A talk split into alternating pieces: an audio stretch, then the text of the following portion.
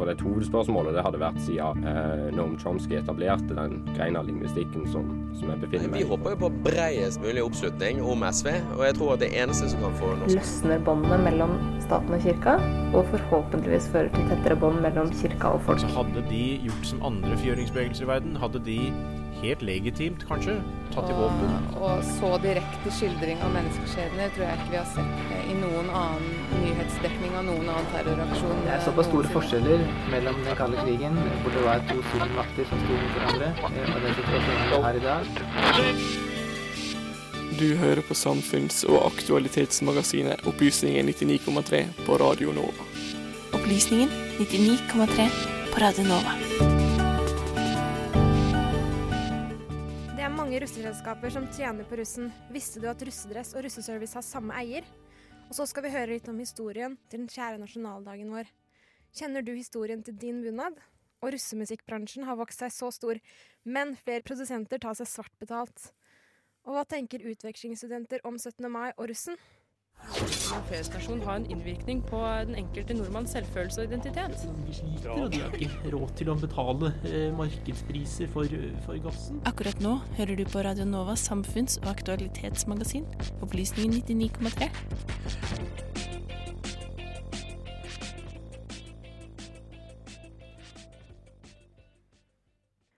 Og velkommen til ukens sending med Opplysningen 99,3. Med meg i studio i dag har jeg Sander eh... Zakaria! Gratulerer med dagen! og Anna Lea Poppe. Gratulerer med dagen! eh, 17. mai er en stor dag for mange, og dagen er fylt med pølser og kronis, leker og barnetog. Men hva vet du egentlig om historien til denne dagen? Her skal du få høre litt om akkurat det. Ukas opplysning. 17. mai er Norges nasjonaldag. Dagen feires fordi Norge fikk sin egen grunnlov 17. mai 1814. Dagen kalles også grunnlovsdagen. Norges grunnlov ble enstemmig vedtatt av Riksforsamlingen på Eidsvoll 16. mai 2018. Dagen etter, den 17. mai, ble Grunnloven datert og undertegnet av presidentskapet. Samme dag ble prins Christian Fredrik valgt til norsk konge. 17. mai er offentlig høytidsdag og offisiell flaggdag. Nasjonaldagen markeres mer i Norge enn det som er vanlig i mange andre land, bl.a. med barnetog. Mange sanger, som nasjonalsangen 'Ja, vi elsker' og fedrelandssalmen, er spesielt knyttet til 17. mai. I de første årene etter 1814 ble dagen bare feiret noen steder. Det er historier om en del private festligheter 17. mai, særlig konsentrert til Trondheim, der kjøpmann Mathias Konrad Pedersen var en entusiastisk talsmann for at grunnlovsdagen burde feires som en høytidsdag. I 1824, på tiårsjubileet for Grunnloven, ble 17. mai feiret i visse kretser i Kristiania. Feiringen var helt tydelig inspirert av Stortingets avvisende holdning overfor kong Karl Johans grunnlovsforslag fra 1821. Karl Johan ønsket absolutt veto, rett til å oppløse Stortinget, rett til å avsette embetsmenn og rett til å bestemme Stortingets saksliste.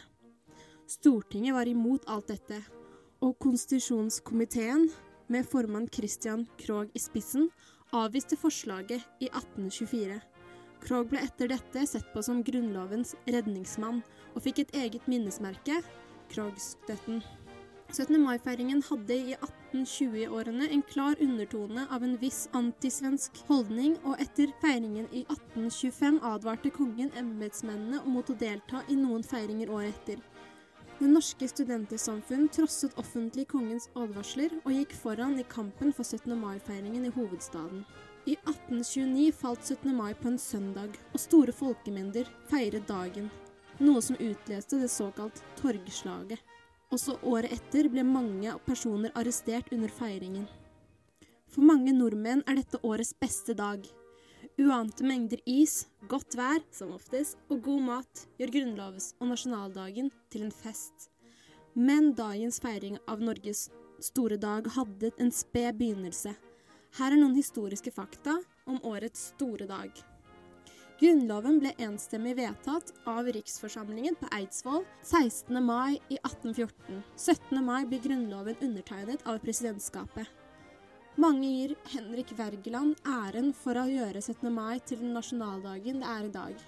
Mye grunnet hans sterke nasjonalfølelse, et tema som ofte har gått gjennom hans dikt, taler og andre litterære verker. Wergeland holdt den første 17. mai-talen i 1833 og skrev bl.a. Vi er en nasjon, vi med. Dikter og forfatteren Bjørnstjerne Bjørnson arrangerte det første barnetoget i Norge som vi kjenner i dag. Det var i 1870. Det var inspirert av venn og skolebestyrer P. Kwams barnetog året før. Det var kun guttene som fikk lov til å gå i tog. Først i 1889 fikk jentene lov til å være med i barnetoget. Det var representanter fra hele Norge på Eidsvoll, unntatt Nord-Norge. Grunnen til det skyldes at beskjeden om samlingen nådde frem for sent. Grunnloven var allerede signert da beskjeden om samlingen ankom nord. Grunnloven ble datert 17. mai, men først signert 18. mai av alle representantene. Med andre ord feiler vi grunnlovsdagen én dag for tidlig. Under okkupasjonen av Norge gjorde tyskerne det forbudt å feire 17. mai. Noen feiringer ble dog avholdt i protest. Godt vær på 17. mai fører ofte til at det selges fem ganger så mye is som på en vanlig sommerdag i Norge. Korps er en stor del av mange nordmenns 17. mai-feiring. Man regner med at rundt 70 000 nordmenn spiller i korps på en eller annen måte. Kongefamilien har hilst fra Slottsbalkongen siden 1906. 17. mai 2016 var det rekord i deltakelse i barnetoget i Oslo. Det er anslått at rundt 60 000 barn deltok i 2016.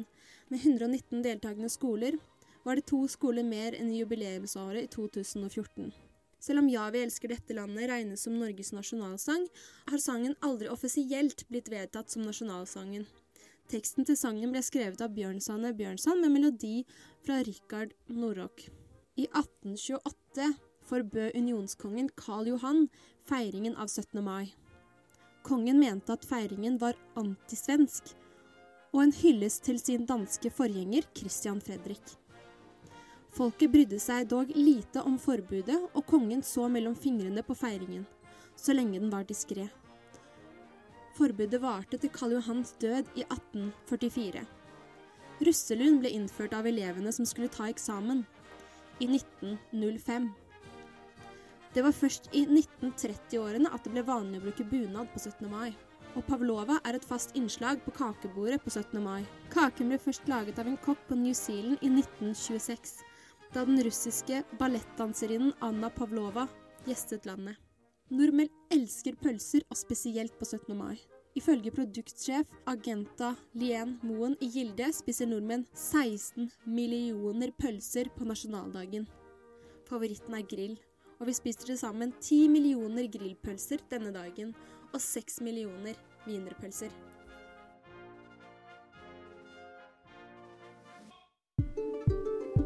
At i stedet for å bli bare en nyere versjon av Kyoto, så vil det kanskje være det man kaller for en balansert pakke. Men eh, vi vet at eh, før eller senere, for det er såpass mange av disse legemene, så er det en med adresse jorden det skjer, så bør vi være forberedt. Phrase they always use is "gai bian ming yun," which means change your fate. You know, and they say, "I don't want to be a farmer like my parents." Jeg tror jo at uh, internasjonal militær i de åtte og et halvt i Afghanistan, faktisk har en først og fremst til. Opplysningen 99,3 på Radio Nova. Josefine og Sandra, har dere bunader? Ja, det har jeg faktisk. Jeg har en Vestfold-bunad som moren min har eh, lagd selv. Eh, som hun brukte når hun var eh, på min alder. Men eh, så sluttet den å passe, og nå slutter den å passe til meg òg. Så det Jeg vet ikke helt hva jeg skal gjøre med den. Enten så må jeg gjøre noe med meg, eller så må jeg gjøre noe med den. Helst vil jeg gjøre noe med den. Men, eh, Men da er det sikkert en bunad med masse tradisjoner. Og, ja. Fordi jeg personlig har alltid forbundet bunad med noe som er veldig veldig norskt, og et veldig sånn høytidelig festantrekk. Men visste dere at før så kunne det egentlig være ganske rebelsk å bruke bunad? Da var det noe som gjorde at folk kunne spytte på deg på gaten, eller eh, ja, vakte veldig oppsikt. Yes. Så ja, Veldig intenst. Veldig intenst. Så jeg tenkte vi skulle få lære litt mer om bunadens historie. 17. mai er høysesong for bunader. Det skal godt gjøres å se et 17. mai-tog uten en eneste bunad, eller uten å høre andre snakke om hvor bunadene deres kommer ifra. Men hvorfor har egentlig bunad blitt Norges nasjonalplagg? Hvor stammer det fra, og hvorfor finnes det så mange ulike typer? Bunaden blir ofte sett på som et urnorsk symbol. Man kan kanskje tro at bunaden har fantes i Norge siden tidenes morgen, men plagget vokste faktisk frem først på 1800-tallet i bygdene. Bunaden stammer riktignok fra folkedraktene som går lenger tilbake i tid, men plagget bunad kom senere. Bunaden fikk en kraftig oppsving på slutten av 1900-tallet, da stadig flere gikk til innkjøp av bunad. Bunad har ikke alltid vært det fest- og høytidsplagget som det er i dag. Da bunaden først kom til Norge, var det en drakt som markerte at man tok avstand fra rikspolitikere og annen samfunnselite. Det var en måte å markere at man var såkalt kulturradikale. Kulturhistoriker Anne Kristin Moe påstår til forskning.no at datidens frykt for bønder er som nåtidens innvandrerfrykt. På slutten av 1880-tallet begynte jenter på norske folkehøyskoler å bruke bygdeklær som et symbol på norsk identitet. Det var en måte å gjøre opprør på. Da ble de møtt med sterke reaksjoner. I byene kunne de risikere å bli spyttet på. Utover 1900-tallet ble bunad mer vanlig. Da vokste norskdomsrørsla fram. Med folkehøyskolene, ungdomsbevegelsen og folkedansene markerte de avstand til embetsmannkulturen og impulsene fra utlandet. Hulda Garborg var en radikal og ivrig forkjemper for det norske, og var en sentral figur i bunadens historie. Garborg reiste land og strand rundt for å lære bort norsk folkedans. På reisene fikk hun mye kunnskap om norske folkedrakter. Dette var både klær som ble brukt til hverdags og til fest, og som var særegne for folk i et bestemt geografisk område. Folkedraktene hadde hittil vært ganske ukjent for andre enn i den spesifikke landsbygden. Med utgangspunkt i en folkedrakt fra Valdres lagde Garborg i 1914 en helt ny drakt. Denne nye bunaden ble svært populær. Garborg var datidens trendsetter, og plutselig begynte til og med byfolket å interessere seg for hvordan man kunne lage drakter inspirert av bygdeklærne. Bunaden ble fortsatt sett på som et radikalt plagg, men nå ville plutselig flere ha den. Utover 1920-tallet kom det stadig flere bunader. Etter hvert ble de så populære at flere bygder ville ha sin egen bunadsvariant. I dag finnes det rundt 450 ulike bunader. Da Garborg lagde sin bunad, var hun opptatt av at bunad var noe folk skulle kunne lage selv, og som de aller fleste skulle ha råd til, mens i dag er bunad en dyr investering. Før vevde man stoffene selv, man farget garnet selv og sydde vanligvis drakten selv. Det tok lang tid, men det var overkommelig økonomisk. Garborg var også opptatt av at draktene ikke skulle være levninger av en utdøende folkekultur, de skulle være nyskapende og moderne. Men etter krigen vokste det fram en ny bunadsideologi. Det ble svært viktig at bunaden var historisk korrekt og knyttet til lokale tradisjoner. De gikk vitenskapelig til verks og samlet inn gamle folkedrakter fra ulike steder i Norge. For etter andre verdenskrig ble det mye strengere regler for hva som var lov og ikke lov når man skulle lage en bunad. I 1947 ble Statens bunadsnemnd opprettet. Denne eksisterer fortsatt under navnet Norsk institutt for bunad og folkedrakt, men i dag er den mer rådgivende. I 1947 var nemnda opptatt av hva som var riktig og galt, og hva folk kunne få lov til å gjøre med nasjonaldrakten. I dag fungerer ikke instituttet på samme måte, men kanskje er det slik at bunadsbrukere selv er opptatt av at bunaden skal være historisk korrekt. Kanskje er du en av de som er opptatt av at bunaden skal være historisk korrekt? Eller kanskje er du en av de som ikke kjente til bunadens historie fra før? Uansett håper jeg du nå føler deg litt klokere på hvor bunaden egentlig kommer ifra.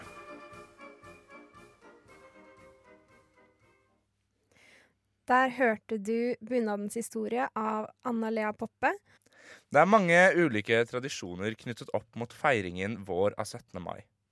Men hva synes eh, de som kanskje ikke er norske, de som er på utveksling, egentlig om våre 17. mai-tradisjoner? Vi spurte to utvekslingselever om hva de synes. 17. mai, grunnlovsdagen, nasjonaldagen. Vi tar på bunaden, går i tog og synger sanger. For alle oss nordmenn, meg inkludert, er dette en helt vanlig måte å feire nasjonaldagen på. I år vil nok flesteparten av oss osloboere stille oss utenfor Slottet og se på de over 100 skolene som går forbi Slottet og vinker til kongen. Men blant alle nordmenn som bor i hovedstaden, er det mange tusen utvekslingselever. Hvordan ser de på 17. mai og måten vi feirer vår nasjonaldag på? All the schools in Oslo send their children to do this. It's like a nightclub. In a Yes, I mean the bus is suddenly oh, the uh, beginning of the year. They are preparing for that. I wouldn't like to feel like that, which I think it's really cool. ice cream eating competition. Wow. It's a really huge party. Vi i Opplysningen 99,3 møtte Maria, en av de mange utvekslingsstudentene ved Universitetet i Oslo. Hun kommer fra Argentina og studerer norsk litteratur ved universitetet. Vi møtte henne sammen med Oliver, som er fra Singapore og tar en master i utdanning her i Oslo, for å finne ut av hva disse syns om de norske tradisjonene ved nasjonaldagen. Jeg begynner med å vise dem et klipp fra barnetoget utenfor Slottet. I think it's lovely. The children's there and they feel a lot of passion while they are walking and playing the instruments, and they are like the whole uh, beginning of the year. They are preparing for that, and they finally do it, and so they are look And really I- excited. I, think this is very a very good initiative, if I can call it, uh, in that it's a good initiative for nation building, especially for a young country like Norway. Of course, you have your cultures and traditions, but then it's important to instill this, you know, uh, national spirit in the kids while they are still in school. Vi beveger oss videre gjennom dagen, og jeg begynner med å ta opp et bilde av russen. De har begge fått kjenne på russetiden på kroppen og forstår godt hva vi skal snakke om. So uh, we're to move on to something else now. We're to move Oh on to God! yes. to the yes, the videregående kids that are done with that, and I have seen them all around the city with their red costumes. I live in a student residence. Uh, my block is right next to, to the main road. And then over the past two weeks, I've heard several times at 1 a.m. to, to 2 a.m. when you have those buses uh, passing by with very loud music, and Yeah. you know the high school students are partying, partying very Mhm. hard. De kjenner også til russekortene og tradisjonene rundt dette. Yeah, so for example, if a kid uh, met one of the Rus people in the street, it's like, oh, I want your card, and you, oh, that's so cool. yeah. Jeg viser dem et klipp fra en dokumentarserie Big Book lagde om russetiden, der tradisjonen blir introdusert. It's one month drinking every night. not necessarily, but some people. There's a lot of Wow. alcohol and parties. Yes. Crazy. I think it's crazy. I mean, like the clothes we did. We have also clothes when we finish high school. We use purchase a hoodie with our names, the year, and some stuff you design, and everyone has the same one. Um, and that's it, you know. And of course, we made like a final party, but here it's something like really big. I know it, it, it didn't end with the clothes. Now you have the bus and you have all the party every night and these cards. Somehow I understand why students want to do this because after studying for 13 years in primary Yes, school and high school, you're finally done. And you want to celebrate. I mean, there's nothing Yes. wrong with celebration. Yeah, absolutely. I think somehow it has come out of control quite a bit. Vi snakket om russetiden i 20 minutter før vi gikk videre til å snakke om flere aspekter ved nasjonaldagen. Maten, aktiviteter, korps og lignende. Etter en lang samtale om alt ved 17. mai, er de begge enige om at det er en fin tradisjon vi har her i Norge, at det er bedre enn ulike militærparader som holdes i ulike land.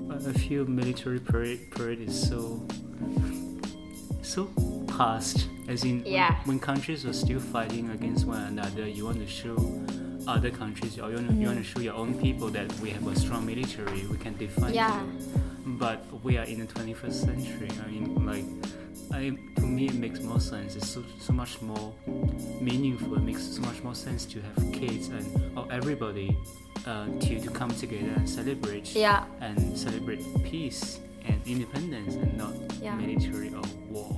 Yeah, and it's the people walking and the children walking, and not just something organized by an institution. So it's like everybody's really taking part of it. Yeah, and, and I also feel um, this children's parade is much more inclusive.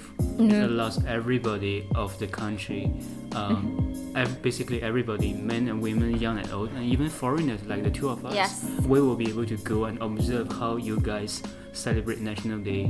Um, so do you think you're gonna go and see the parade? I I will think go, definitely. very, yeah. Yes, I will go. And I will also have champagne for breakfast. Yes, I'm planning everything. Yeah, yes. I think CEO is organizing a, a free Yes. breakfast for all students right Yes. next to Royal Palace. I think I'll go for that, and after breakfast, I'll just go and try to find a good place. Yes. And watch a parade. Yes. Yes, we can, yeah. Og med dette ønsker jeg dere alle gratulerer med dagen, og jeg håper dere alle, akkurat som Maria og Oliver, ønsker å ta del i feiringen av Norges nasjonaldag.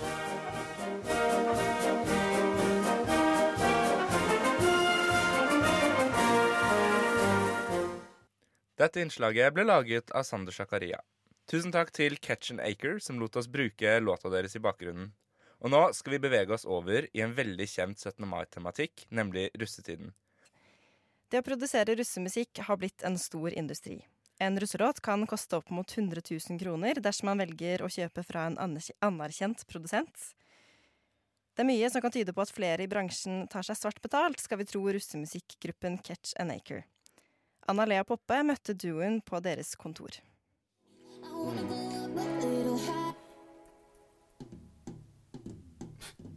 Du må bare finne bare e- e- sånne egne samples, kan vi lage rytme selv. Edvard Tibert og Wilmer Borgsnes utgjør russemusikkgruppen Catch an Acre. De begynte å produsere russemusikk i 2016 og har fort vokst seg større. I fjor produserte de hele 24 låter for ulike russebusser. De kan fortelle at noe av det som motiverer dem aller mest, er lønnen. Det er, det er godt betalt, Det er det. egentlig. Det er, jeg kan ikke si noe annet. Det er veldig godt betalt. Det er litt mer sånn hvor mer kjent du blir, hvor mye mer penger får du. Hvis du er Mm. kjent, så får du latterlig mye penger. Altså, det er helt sykt, faktisk. Til tross for at gruppen selv har startet opp et selskap og betaler skatt av inntekten fra russemusikken, forteller de at mange i deres bransje ikke tenker over at inntekten fra russemusikk skal skattes. De tror dermed at det er svært vanlig med svart betaling innad i bransjen. Veldig mange som tar cash også. Mm, som tar cash, som liksom skal ha 20 000 i cash når de får betaling. Så det I 2016 betalte ikke duoen skatt siden de tjente under frikortgrensen, men i 2017 bestemte de seg for å opprette et selskap ettersom de så at de kunne tjene store inntekter på musikken. Catch tror at mange undervurderer de økonomiske mulighetene i bransjen. Men det er jo en veldig sånn Veldig stor industri som ikke så mange vet så mye om, tror jeg. Mm. Man leser bare det med avisen hvor skitt det er, men det er jo egentlig veldig Jeg tror faktisk det er den største sånn EDM-industrien i Norge, kan du si, på en måte. Ja, tror jeg. Ja. Sånn, på elektronisk musikk så er vel russemusikken egentlig det største. Ja, da syns du burde ha den, den samme rytmen. Bare ta litt lavere, men litt mer real kanskje. Bare sånn gjør det litt mer muddy. Innslaget var laget av Anna Lea Poppe. Russetiden går nå inn i sine siste timer, og mange russ har brukt mye penger på feiringen. Men hvem er det egentlig som står bak? Det skal vi høre litt mer om i dette innslaget her, som er laget av Sander Georg Lia Zakaria og Josefine Marstad med hjelp av Benjamin Christensen. Russetiden. Mange forbinder det med røde og blå dresser, russekort, fyll og rulling, men ikke minst en enorm pengebruk. Pengene brukes på effekter, låter, treff, klær og lignende. Og bak dette står store selskaper og drar inn millioner. Vi har tatt en titt på hvem som tjener på russetiden, og hva russen egentlig syns om dette. De to største aktørene på russeklær og effekter, russedress og russeservice, omsatte for til sammen 119 millioner kroner i 2017.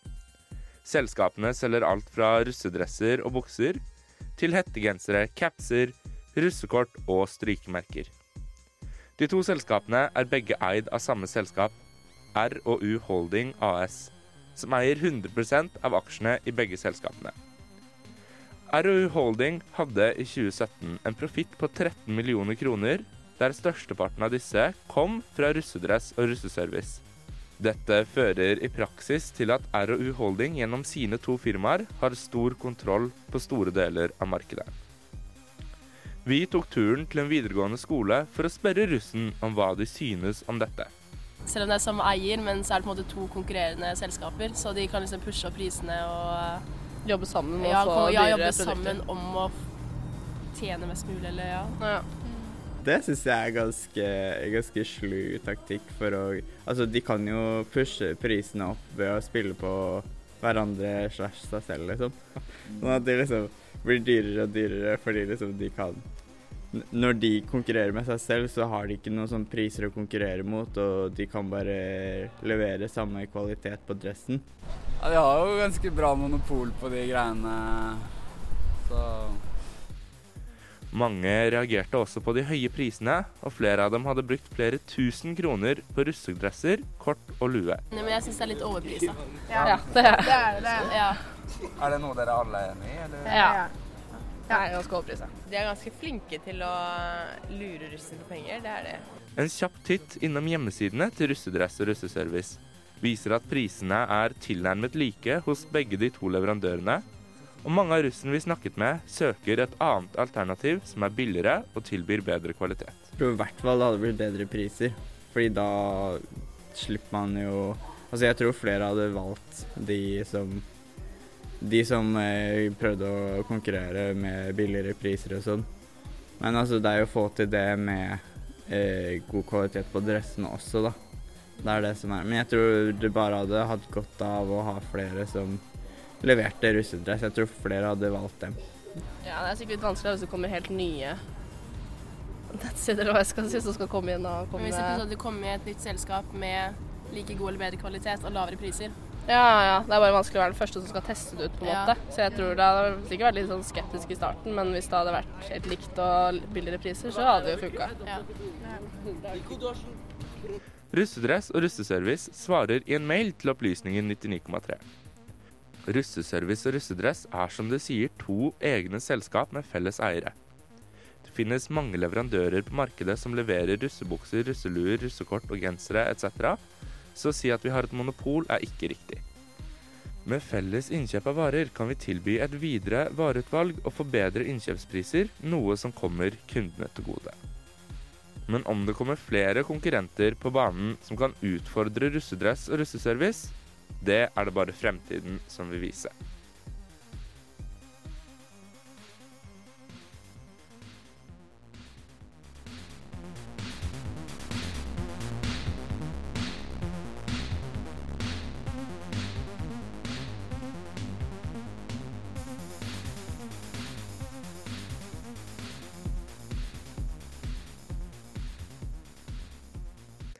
Og det var alt vi hadde for i dag. Men eh, hva er det vi skal i dag, av dere? Det blir 17. mai-lunsj, da. Og grilling på kvelden og kanskje se Ah. barnetoget. Jeg skal se min eh, utkårede gå i russetoget. Jeg gleder meg veldig. Det blir eh, Det er alltid gøy å se folk man er veldig glad i, litt sånn, litt sånn ute på kjøret etter en god natt med rulling.